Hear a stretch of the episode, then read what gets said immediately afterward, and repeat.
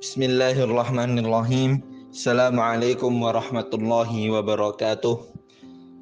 Alhamdulillahi wa kafa.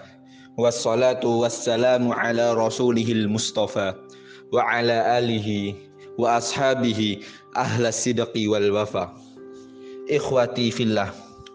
Dari Jabir bin Abdullah radhiyallahu anhu ia berkata, Aku mendengar Rasulullah sallallahu alaihi wasallam bersabda, Barang siapa bertemu Allah dalam keadaan tidak menyekutukannya dengan sesuatu, maka dia masuk surga.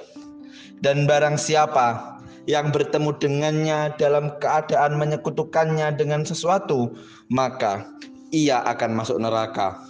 Hadis riwayat Muslim.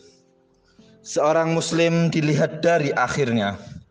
Seperti kata hadis, innamal a'malu bil khawatim Apabila hidup seorang muslim diakhiri dengan hal-hal yang disukai Allah, hal-hal yang diridhoi Allah, maka kondisi tersebut dinamakan dengan husnul khotimah.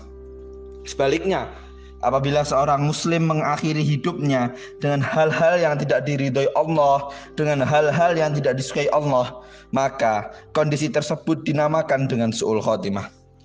Namun bukan berarti semasa hidup kita bebas melakukan segala hal yang tidak Allah sukai karena ajal bisa menjemput kita kapan pun dan di mana pun kita berada. Siap tidak siap, kita harus sudah siap apabila ajal menjemput. Ikhwati fillah. Berikutnya Allah Subhanahu wa taala berfirman pada surah Az-Zumar ayat 14 sampai 15 yang artinya katakanlah hanya Allah saja yang aku sembah dengan memurnikan ketaatan kepadanya dalam menjalankan agamaku.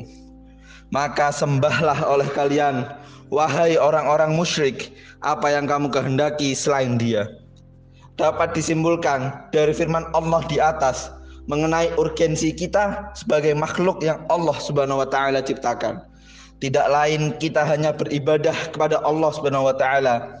Wa ma khalaqatul jinna wal insa illa liya'budun kita tidak melakukan segala hal-hal yang dapat membatalkan keimanan yang mana pada akhirnya kita harus melakukan segala sesuatu karena Allah Subhanahu wa taala.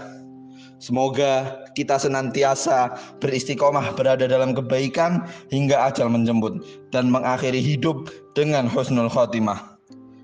Subhana rabbika rabbil izzati amma yasifun wa salamun alal mursalin walhamdulillahi rabbil alamin. Wabillahi taufiq wal hidayah. Wassalamualaikum warahmatullahi wabarakatuh.